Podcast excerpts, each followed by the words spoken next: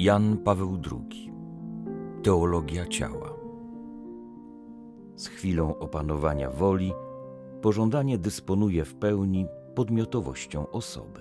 Od szeregu tygodni koncentrujemy się na tych słowach Pana Jezusa z kazania na górze, w której tłumacząc głęboki sens przykazania nie cudzołóż, Chrystus mówi o znaczeniu spojrzenia płynącego z pożądania, z pożądliwości. I spojrzenie takie, spojrzenie mężczyzny na kobietę, określa jako cudzołożenie w sercu, cudzołostwo popełnione w sercu. To sformułowanie skazania na górze daje ogromnie wiele do myślenia, zarówno z punktu widzenia etycznego, normatywnego, jak też z punktu widzenia wychowawczego. W dzisiejszym fragmencie staraliśmy się dojść, dlaczego Chrystus tak surowo osądza sam fakt, akt wewnętrzny spojrzenia, porządliwego spojrzenia. Otóż odpowiedź jest taka, że już w tym akcie wewnętrznym dokonuje się jakaś przemiana zasadnicza podmiotu mężczyzny, który patrzy i w stosunku do drugiej osoby ta osoba staje się przedmiotem i to przede wszystkim przedmiotem zaspokojenia potrzeby, pożądania, potrzeby. Podczas gdy wedle tego światła, jakie znajdujemy już w Księdze Rodzaju, owo, owa odwieczna atrakcja, która istnieje pomiędzy człowiekiem a człowiekiem, mężczyzną a kobietą, ma na celu tworzenie wspólnoty osobowej, jedności osobowej, w której oba podmioty muszą zachować swoją pełną podmiotowość. Nie może się stać jeden przedmiotem i to przede wszystkim przedmiotem zaspokojenia seksualnego dla drugiego. Taki jest mniej więcej, takie jest mniej więcej resume dzisiejszej konferencji.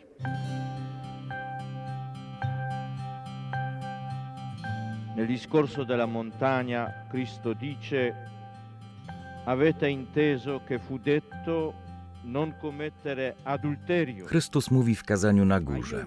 Słyszeliście, że powiedziano nie cudzołóż. A ja wam powiadam, każdy, kto porządliwie patrzy na kobietę, już się w swoim sercu dopuścił z nią cudzołóstwa. Od pewnego już czasu staramy się wniknąć znaczenie tej wypowiedzi, poddając analizie poszczególne jej człony, aby lepiej zrozumieć całość.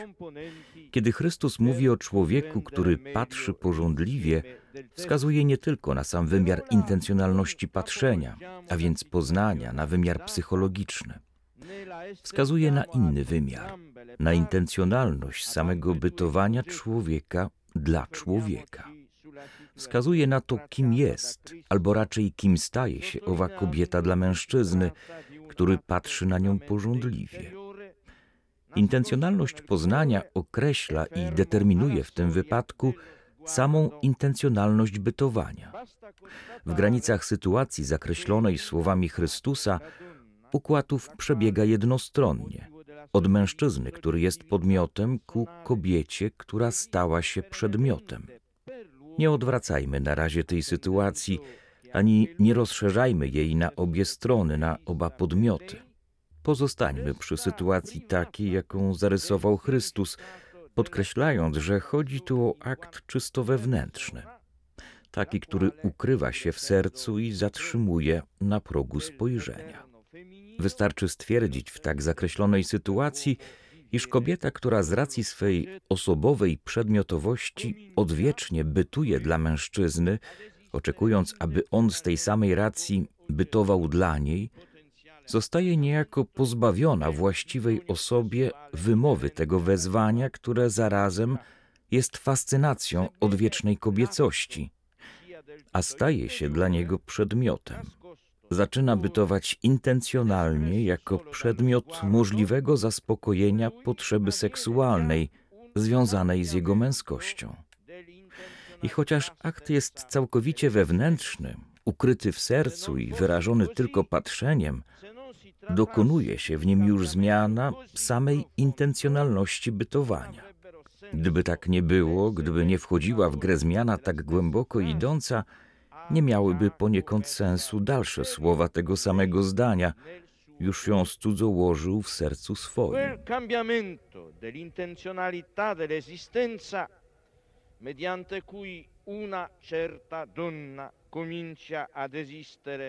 Owa zmiana intencjonalności bytowania, poprzez którą konkretna kobieta zaczyna bytować dla konkretnego mężczyzny, nie jako podmiot wezwania i fascynacji osobowej i komunijnej, ale tylko i wyłącznie jako przedmiot możliwego zaspokojenia potrzeby seksualnej, dokonuje się w sercu, o ile dokonała się woli. Sama intencjonalność poznawcza nie stanowi jeszcze o opanowaniu serca. Dopiero wówczas, kiedy przedstawiona uprzednio redukcja intencjonalna wciąga w swój zacieśniony horyzont wolę, kiedy wywołuje w niej decyzję odniesienia do drugiego człowieka wedle tej skali wartości, która właściwa jest dla pożądania, wówczas dopiero można powiedzieć, iż pożądanie to opanowało również serce. Z chwilą opanowania woli można dopiero powiedzieć, iż pożądanie dysponuje w pełni podmiotowością osoby, że staje niejako u źródła chcenia, wyboru i rozstrzygania, poprzez które na zasadzie samostanowienia, czyli autodeterminacji, określa się sam sposób bytowania względem drugiej osoby.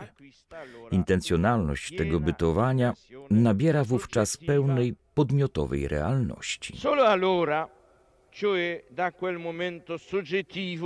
Wówczas też, to znaczy od tego momentu podmiotowego i z kolei na jego podmiotowym przedłużeniu, można zweryfikować to wszystko, co czytaliśmy na przykład w księdze Syracha na temat człowieka opanowanego namiętnością zmysłową, a czego opisy nieraz bardziej jeszcze wymowne znajdujemy w całej literaturze świata.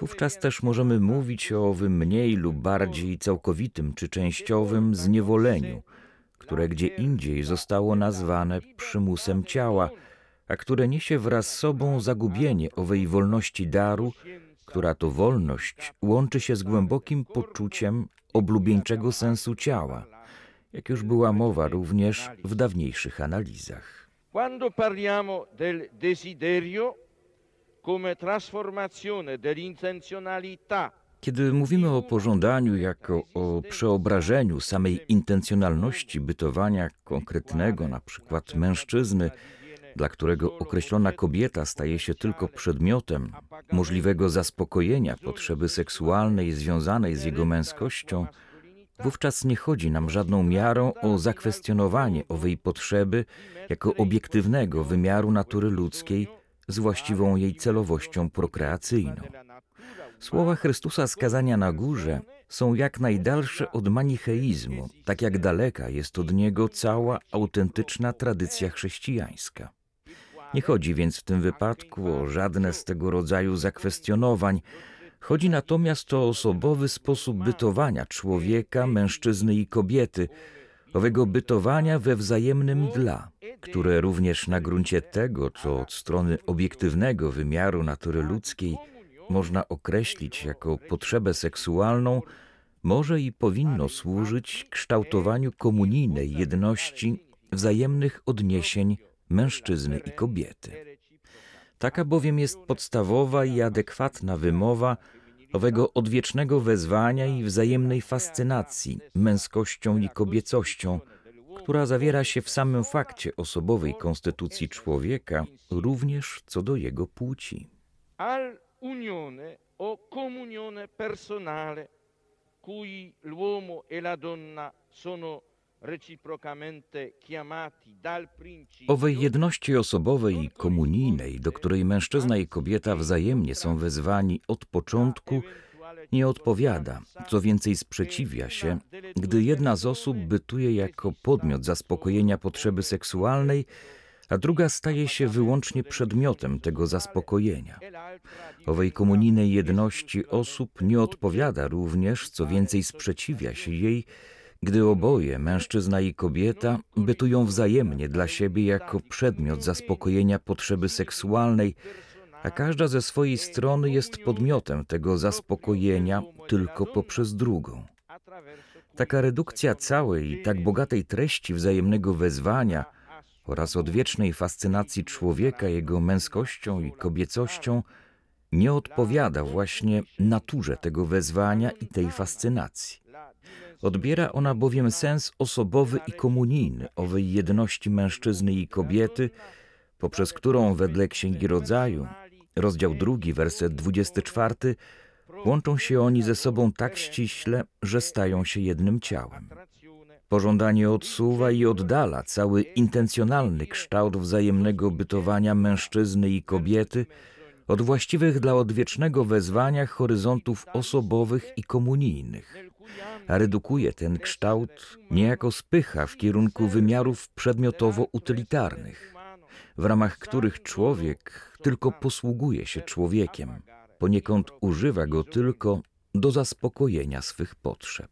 Sembra di poter appunto ritrovare tale contenuto carico di esperienza interiore umana Wydaje się, iż całą tę treść brzemienną doświadczeniem wewnętrznym człowieka różnych epok i środowisk można odczytać w jednym zwięzłym zwrocie Chrystusowego kazania na górze. Nie można zaś równocześnie pod żadnym pozorem przeoczyć znaczenia, jakie ów zwrot przypisuje ludzkiemu wnętrzu, jak integralnie rośnie w nim wymiar serca, wymiar człowieka wewnętrznego. W tym miejscu kryje się też sam rdzeń owego przeobrażenia etosu, ku któremu słowa Chrystusa z Ewangelii Mateusza, rozdział 5, wersety 27 i 28 prowadzą z ogromną mocą, a równocześnie ze zdumiewającą prostotą. forza ed insieme con mirabile semplicità.